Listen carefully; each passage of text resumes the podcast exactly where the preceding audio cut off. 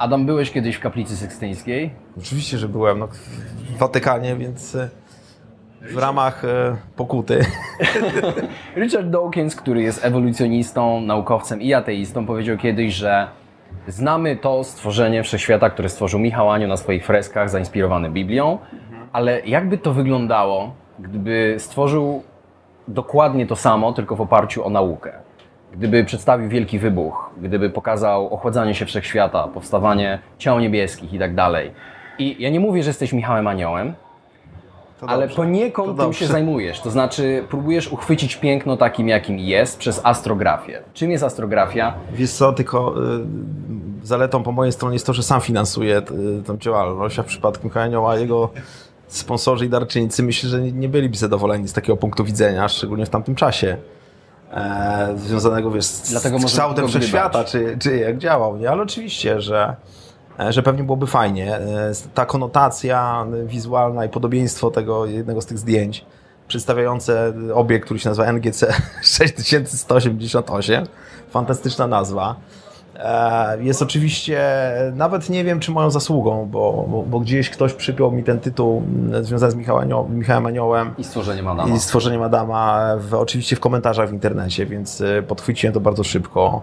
E, Później sobie przypomniałem, że my w środowisku postrzegamy to, to akurat ten obiekt faktycznie jako jaki, taki genezis.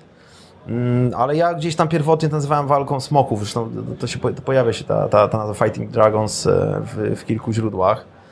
E, No i tak w pewnym momencie stwierdziłem, że dobra, to nazwijmy to faktycznie jakiś tribut e, dla Michała Anioła i stworzenie nie Adama, tylko kosmosu jako takie. Choć oczywiście to jest czysta semantyka, bo, no bo wszechświata jakby nie bardzo interesuje to, to jak my postrzegamy te, te znaki w chmurach. To trochę jak czytanie, wiesz, króliczków e, w zachmurzony dzień w bałwankach. Ale to czym jest astrografia? Jak, jako projekt, wiesz co, no ja przypinam sobie tu trochę jak pewną misyjność, e, to znaczy uwierzyłem swego czasu, że, że przez zdjęcia pocztówkowe, wi- widokówki można, można promować naukę jako taką. I, e, I są nawet przykłady takie, które udowadniają, że tak jest, choć akurat świat nauki się ze mną nie do końca zgadza.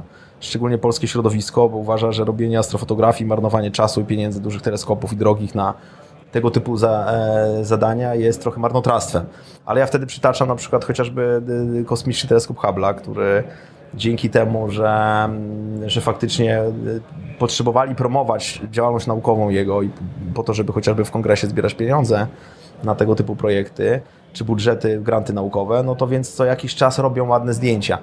E, Tylko jako, jako, jako cel promocyjny. No i efekt jest taki, że, że to w zasadzie teleskop Hubble zbudował dzisiejszy obraz kosmosu, jaki mamy w głowie i mamy gigantyczne pokolenie ludzi, która, którzy zainteresowali się nauką, którzy zainteresowali się nauką tylko dlatego, że widzieli ładne zdjęcia, więc uważam, że to jest pierwszy krok, który trzeba robić, czyli inspirować e, ładnymi zdjęciami. Wierzę, że, że jeżeli już powieszysz sobie to zdjęcie na przykład, albo gdzieś je zobaczysz, to zaczniesz sobie zadawać te pytania, co to są te kropki, e, co to są te, te, te chmury i, i wtedy dociera do ciebie, że każda taka kropka to jest takie słońce, które świeci e, w każdy dzień e, na Ziemi i nagle widzisz, że na zdjęciu ich jest tysiące na przykład, nie? I, i, to są tylko te też oczywiście, nie? Znaczy jest to wymiar bardzo humanistyczny, filozoficzny, be, be, bez wątpienia zresztą.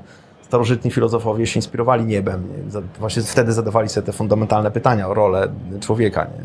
To czy można na tym zarobić? E, Co ciekawe, tak. I, to jest dosyć zaskakujące dla mnie, bo astrografia jako projekt był zupełnie poboczny i, i, i raczej nie w celach komercyjnych, e, albo pewnie inaczej non-profitowych, czyli zakładałem, że w najlepszym przypadku da się to sfinansować. E, Ale gdzieś tam po tych pierwszych kilku miesiącach widać, że, że da, da się to zrobić, e, też w takim wymiarze e, ko- komercyjnym. No, tylko, że na koniec nie jest to prosty produkt, nie? bo to jest print, e, odpowiednio potraktowany na odpowiednim medium. Do tego kupiłem specjalny sprzęt, ploter wielkoformatowy, żeby samemu kontrolować ten, ten proces. To też pokazuje, że jakby e, biznesowo nie jest to dobre, żeby wszystko samemu kupować, ale gdzieś tam chciałem, jak ten artysta powiedzmy, który klei to swoje dzieło na każdym etapie, więc w tym przypadku to zdjęcie moje nie, nie kończy się na, na, na, na, na sesji, tylko kończy się w momencie, kiedy już e, wydrukuję ten fine art e, i, i podpiszę to archiwalnym atramentem własną ręką i wtedy jest jakby, wiesz, e, ta kropka na D i to jest to, to, to, to, dzieło, tak patrząc z perspektywy artystycznej, bo to jest w ogóle ciekawe, nikt wcześniej nie postrzegał, przynajmniej w takim potocznym rozumieniu astrofotografii jako potencjalnej sztuki. No i nagle się okazało, że jak się gdzieś to pokazuje, to wszyscy mówią, wow, no to, to ma to wymiar e, taki estetyczny, emocjonalny, no bo sztuka no to jest opisanie emocji, więc, e, więc się okazuje, że, że one mogą być. Zresztą to chyba pierwszy Łukasz Gras z Business Insidera w wywiadzie właśnie powiedział, użył tego sformułowania, że, że to, że 15 lat e, robiłem coś takiego, nie pokazywałem, że to jest czysty egoizm. A to nie wynika z tego, że egoizm, tylko my w ogóle, mówię jako środowisko astrofotografów, uważaliśmy, że, że raczej to nikogo nie interesuje spoza naszego kręgu, więc zdjęcie robiliśmy do szuflady zwanej forum na przykład, na którym gdzieś tam się dzielimy tymi zdjęciami.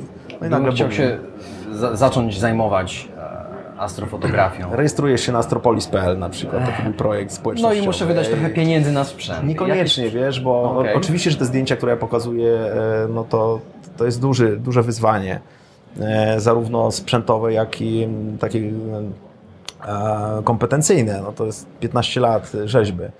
E, ale dzisiaj masz cyfrówki, czyli te, te, te lustrzanki cyfrowe, masz e, statywy, możesz postawić sobie aparat i zacząć robić astrofotografię, więc e, ten próg wejścia dramatycznie spadł w ciągu ostatnich 5 czy 10 lat. No to powiedzmy spadłeś z kilkudziesięciu czy stu tysięcy i więcej na, na, na kilka tysięcy złotych, więc to jest, to jest budżet, który wydaje większość amatorów fotografii tradycyjnej. Jednym z obszarów, którymi również się zajmujesz, którym jesteś zainteresowany, jesteś tam dość aktywny, to jest tworzenie takich technologii, takich rozwiązań, które ułatwiają życie osobom z niepełnosprawnościami. Możesz powiedzieć coś więcej o tym, w jakie projekty były to, to jest kolejna jakaś misyjna działalność. Chyba wynika z tego, że przez 16 lat pracowałem w marketingu i reklamie i to jest taki mój I to sprawiło, że się zmęczyłeś? I co, to jest trochę tak, że jak, jak robisz całe lata rzeczy, które ci się wydawało, że są ważne i kreatywne i wspaniałe, później nagle uświadamiasz sobie, że jak mogą być wspaniałe, jeżeli wiesz, komuś filmy przerywasz reklamami, przestrzeń publiczną za, zaśmieszczasz outdoorem, czyli billboardami, internet y, zawalasz banerami, nie? Dzisiaj jeszcze do tego masz content marketing, czyli piszesz artykuły, które e, de facto nie mają innej roli niż zarabiać, więc w pewnym momencie stwierdzasz, no może czas zrobić faktycznie coś, co ma jakąś wartość e, realną i i po tylu latach już masz dosyć e, klejenia takich rzeczy, które nie mają tej, tej, tej wartości. Więc z tego względu pomyślałem sobie o CSR-ze i, e, i tym, żeby robić technologię, wykorzystać ten stygmat startupowy i innowacyjny do tego, żeby, żeby coś zmienić w życiu osób, które gdzieś tam mają jakieś e, upośledzenia. Zresztą ja osobiście uważam i dostrzegam to też jako osoba mega zainteresowana historią innowacji, że paradoksalnie te grupy e, niepełnosprawnych mogą być naj, naj, najszybciej beneficjentami tych, tych zmian.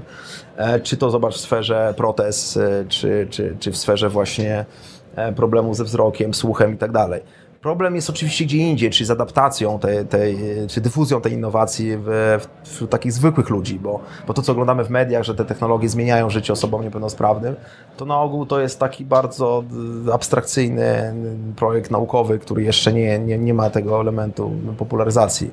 Więc... A masz jakiś projekt w głowie, jakiś kolejny krok, e, który pozwoliłby zrobić coś dla osób niepełnosprawnych? Jest to absolutnie, jestem przekonany, że sztuczna inteligencja, która jest teraz buzzwordem wielkim e, i computer vision jako takie zmieni e, sposób funkcjonowania osób niewidomych i tu już nie mam żadnych wątpliwości do tego, czyli w momencie, kiedy jak pokazano, że nawet smartfon jest w stanie e, sensorycznie opisywać rzeczywistość, no więc to jest, to jest duża rzecz. Oczywiście ona jest bardzo konfrontacyjna w stosunku do tego, co, co robię w Infinity, czyli to, gdzie my wieszamy sensory i bikony w wielu przypadkach, które, które mają ten kontekst e, e, miejsca czy przedmiotu, przy którym się znajduje osoba niewidoma, jej przekazywać.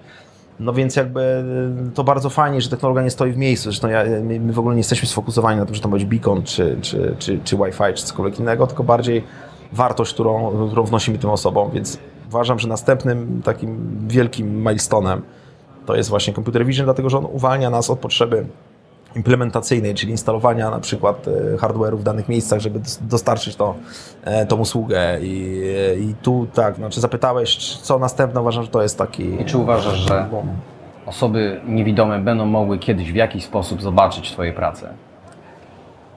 Wiesz co... Y Chyba nawet coś takiego widziałem e, ostatnio. E, już trochę fantazjuję, bo, bo mam skrawki jakieś pamięciowe, ale było coś takiego, jak, jakiś system dla, dla osób niewidomych, który pozwala zobaczyć e, dzieła sztuki. E, jako takie. E, trzeba by się gdzieś pogooglować teraz, ale, ale wydaje mi się, że, że już coś takiego, znowu pewnie w sferze eksperymentu, istnieje, więc, więc można by, by założyć, że, że pewnie tak, tym bardziej, że, że rozwój technologiczny zakładam, że doprowadzi do tego, że jednak wiele osób odzyska wzrok e, w postaci jakichś implantów, które, które jednak będą w stanie do mózgu przekazywać te bodźce wzrokowe, więc bezpiecznie założymy, że, że tak, że będą mogli.